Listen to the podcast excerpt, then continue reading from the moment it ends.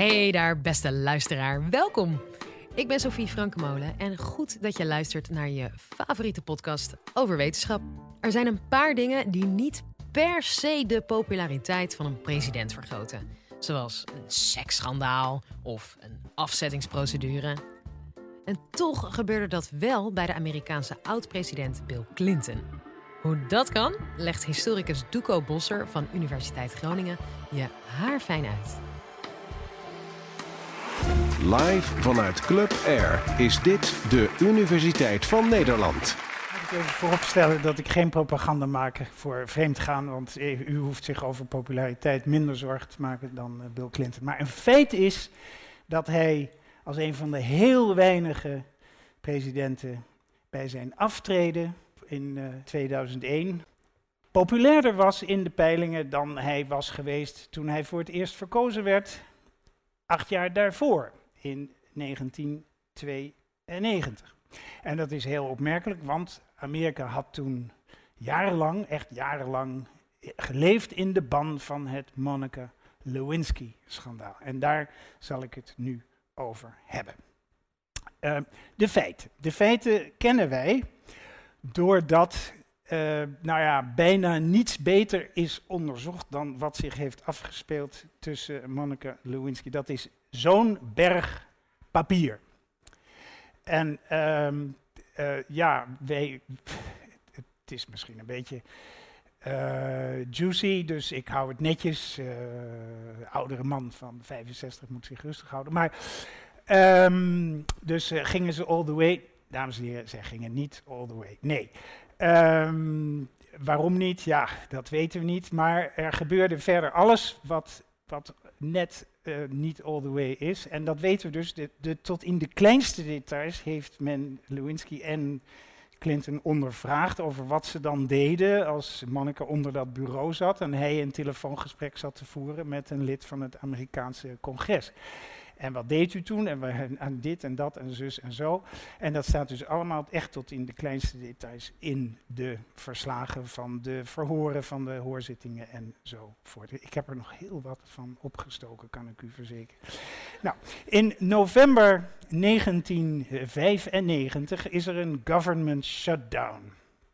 Dat wil zeggen, het Amerikaanse congres heeft niet gereageerd op het verzoek van Clinton om meer uh, krediet beschikbaar te stellen. We, herinneren ons dat, want Obama ook heeft uh, niet zo heel lang geleden gekampt met dat probleem dat de overheid gewoon moest sluiten. Nou, de stagiaires, stagiairs en stagiaires van het Witte Huis werken in de East Wing, in de West Wing gebeurt het, hè, daar, zit, uh, daar zit de president. En maar omdat het echte personeel naar huis is door de shutdown, mogen de stagiaires werken in de West Wing. Nou, en uh, die, da dat zijn er maar een paar en die zitten daar bij, uh, ja, ik stel me dan zo voor, bij een heel klein lampje zitten die nog vreselijk hard te werken, want wie weet komt de president wel langs om te kijken of ze hun best doen. En Bill Clinton kan eindelijk eens een keer door die vertrekken dwalen, want normaal vertoon je je daar niet als president en daar zit dus als hij een deur open doet, ineens deze ravissante schoonheid. Ook meteen even zeggen, zij is dan 22 jaar, dus er is wat dat betreft helemaal niks aan de hand. Uh, je zou kunnen spreken van consenting adults. Maar in ieder geval al meteen uh, uh, springt er een vonk over van beide kanten en al meteen wordt dat, gaat dat heel heftig.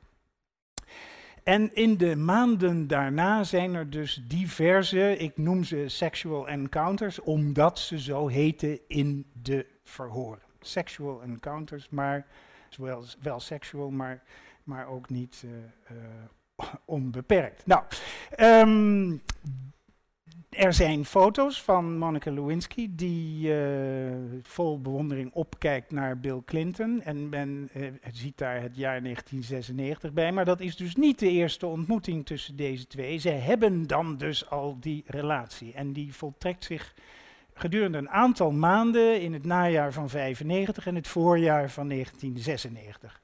Nou zijn er uh, door uh, onder andere Hillary, zijn vrouw, maar ook door alle andere mensen die hem een beetje in het gareel moeten houden en die weten hoe het staat met zijn hormoonspiegel.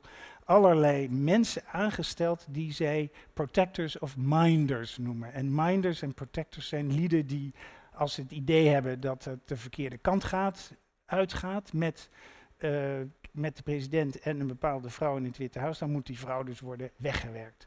En dat doet deze minders besluiten om Lewinsky uit het Witte Huis te manoeuvreren naar het Pentagon naar het ministerie van Defensie. Zodat ze dus uit het bereik van de president is en zij, zij, zij en hij niet langer zich te buiten kunnen gaan aan iets wat in het verkiezingsjaar, let wel, het verkiezingsjaar 1996, tot grote schade voor de president zou kunnen leiden.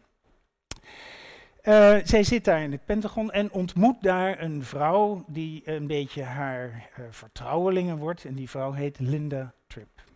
En Linda Tripp vertelt zij in vertrouwen dat er iets is geweest, of hopelijk zegt zij nog steeds is tussen de president en haar.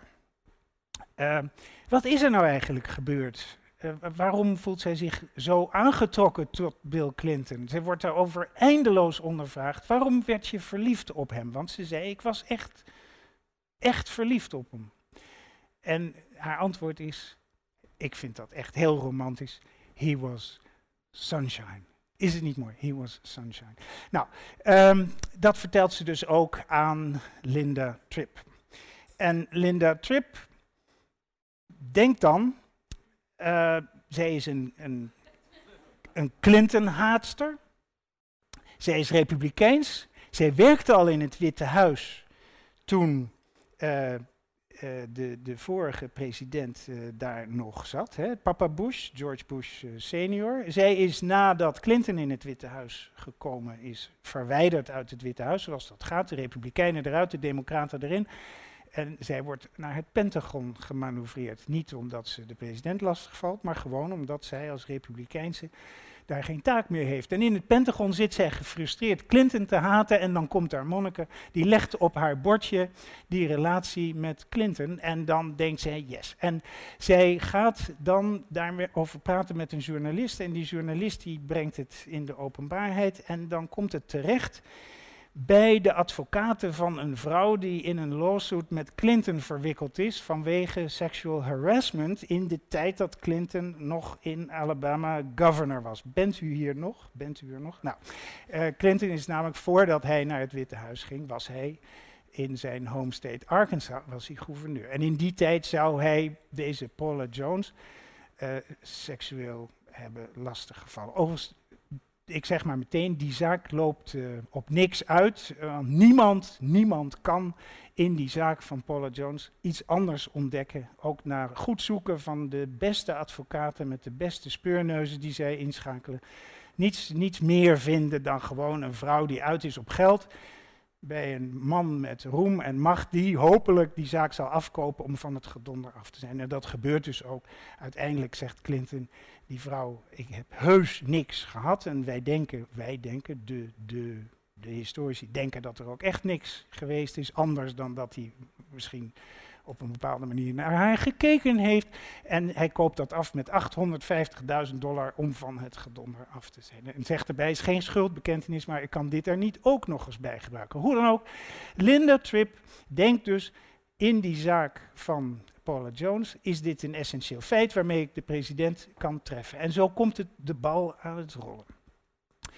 In 1997 uh, is het zover dat uh, iedereen er langzamerhand rugbaarheid uh, aan geeft. En in januari 1998 uh, komt het heel, heel uitgebreid in de Amerikaanse pers. En dan krijg je de scènes waarbij Clinton gedwongen wordt om te zeggen wat er waar is en niet waar is.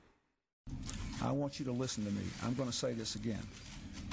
I did not have sexual relations with that woman. Ja, nou daar valt uh, weinig uh, anders van te zeggen dan dat hij keihard ontkent. Uh, Clinton heeft altijd volgehouden dat wat er tussen deze twee is voorgevallen niet viel onder sexual relations. Tot op de dag van vandaag.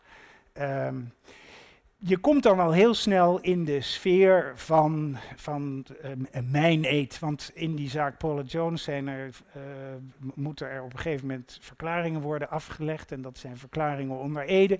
Enfin, um, hij uh, gaat over de grens van de mijn eet of, of weer niet. Dat is nog altijd de grote vraag. Zijn vrouw Hillary, ehm, de ouderen onder ons zullen zich dat nog herinneren uh, staat stevig achter hem, maar zegt ook: ik, uh, I stand by my man, maar niet op de manier van Tammy Wynette in dat beroemde lied van Stand by your man. Want uh, dat hoort niet bij mij, daar ben ik te geëmancipeerd voor. Zij laat de mensen ook lachen door te zeggen: ja, men vroeg ooit aan, aan Jezus hoe vaak moet ik mensen vergeven? En toen zei hij zeven keer.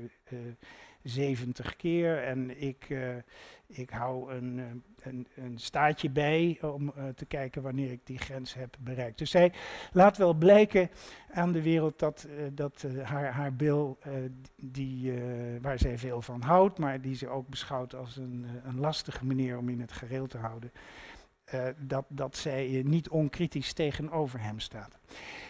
En dan verschijnen in de Amerikaanse pers allerlei cartoons en plaatjes waar uh, wordt uh, de, de, draak gestoken met het gedrag van de, van de Amerikaanse president. Let wel, we hebben het over de hoogste ambtsdrager van het land. En uiteindelijk komt het dan tot impeachment. Er wordt gezegd, ja, Clinton is niet impeached, want hij heeft het ambt behouden. En er is twee derde meerderheid in de Senaat nodig voor een veroordeling en uh, het feitelijk wegsturen van de president. Maar het feit dat het al in de Senaat tot een rechtszaak komt, waarbij de Senaat de rechtbank is en de opperrechter, dus de hoogste rechter van het land, de president van het Hoge Rechtshof, presideert over de rechtbank. Uh, het feit dat het daar al terecht komt, betekent dat er sprake is van impeachment. Richard Nixon, die het heel bond gemaakt had in de Watergate-affaire, is niet impeached. Anders dan velen denken, want toen het, uh, de juridische commissie van het Huis van Afgevaardigden had, had gezegd: wij gaan nu een aanbeveling aan het Huis doen om Nixon te impeachen. Toen heeft Nixon gezegd: ik hou de eer mezelf en ik treed af. Augustus 1974. Nixon is dus niet impeached. Clinton heeft dat helemaal niet gezegd. Die heeft gezegd: ik heb niks gedaan. Uh, er zijn vier counts, vier, vier beschuldigingen en daar zal ik mij tegen verdedigen, dus ik hou de eer niet aan mijzelf. En het is dus in januari 1999 gekomen tot een officiële rechtszaak in de Senaat, waarbij uh, twee van de vier beschuldigingen die het Huis had geformuleerd ter tafel lagen, want de Senaat heeft gezegd, twee van die vier willen we niet, die andere twee, daar willen we over praten. Er was dus een tweederde meerderheid voor nodig in een, in een parlement dat 100 leden telt. En uh, een van die counts, perjury, is uh, met 45 tegen 55 stemmen afgewezen. En één count is met 50 tegen 50 stemmen afgewezen. Dus zelfs niet bij benadering in de buurt van de tweederde meerderheid die voor een veroordeling nodig was. En aan het eind van Clintons presidentschap, dat eindigt dan in januari 2001, als ik zei het al, als Bush het overneemt, is Clinton in de opiniepeilingen populairder dan uh, hij was uh, toen hij verkozen werd in 1992. En hoe dat komt, dat heeft alles te maken. Uh, Clinton is de, de T-val-president. Je kunt heel moeilijk boos op hem worden. Mensen noemen hem the big dog. Zo'n aaibare man. Als hij met zijn vingers in de suikerpot zit, dan doet hij dat op zo'n manier dat iedereen het kan zien. En dan terwijl hij met zijn vingers in de suikerpot zit, zegt hij: Ik zit niet met mijn vingers in de suikerpot. En dat vindt iedereen zo schattig. Zij kunnen niet op the big dog boos worden. De algemene mening onder juristen in de VS op dit moment is dat eigenlijk wat Clinton deed, perjury, obstruction of justice, verder is gegaan dan Nixon werd nagedragen. En dat hij voornamelijk aan veroordeling is ontkomen omdat de zaak zelf, dus daar gaat het niet, is het perjury? Ja, is het obstruction of justice? Ja, maar waar gaat het over? Het gaat over een affaire. Dus Clinton heeft de affaire waar Clinton in verwikkeld was, dat hij het aanlegde met een stagiaire, is in wezen veel minder erg dan de affaire waar Nixon in verzeild was. Namelijk dat de ene partij een inbraak pleegt in het kantoor van de andere partij. Maar de misdaad, Nixon is eigenlijk nooit op perjury betrapt en ook maar nauwelijks op obstruction of justice. Dus het is een heel paradoxale affaire. En eh, de conclusie van dit verhaal is dat het systeem werkt, uh, de wil van het volk prevaleert. In het geval van Nixon wilde het volk hem weg hebben. Hij ging weg, ook zonder trial. In het geval van Clinton wilde men hem niet weg hebben. Integendeel, men wilde dat hij bleef. Hij stond te kijken, dat was straf genoeg. Je hoorde Duco Bosser. Ik hoop dat je het een leerzaam college vond. En als het nou zo was, abonneer je dan op ons kanaal.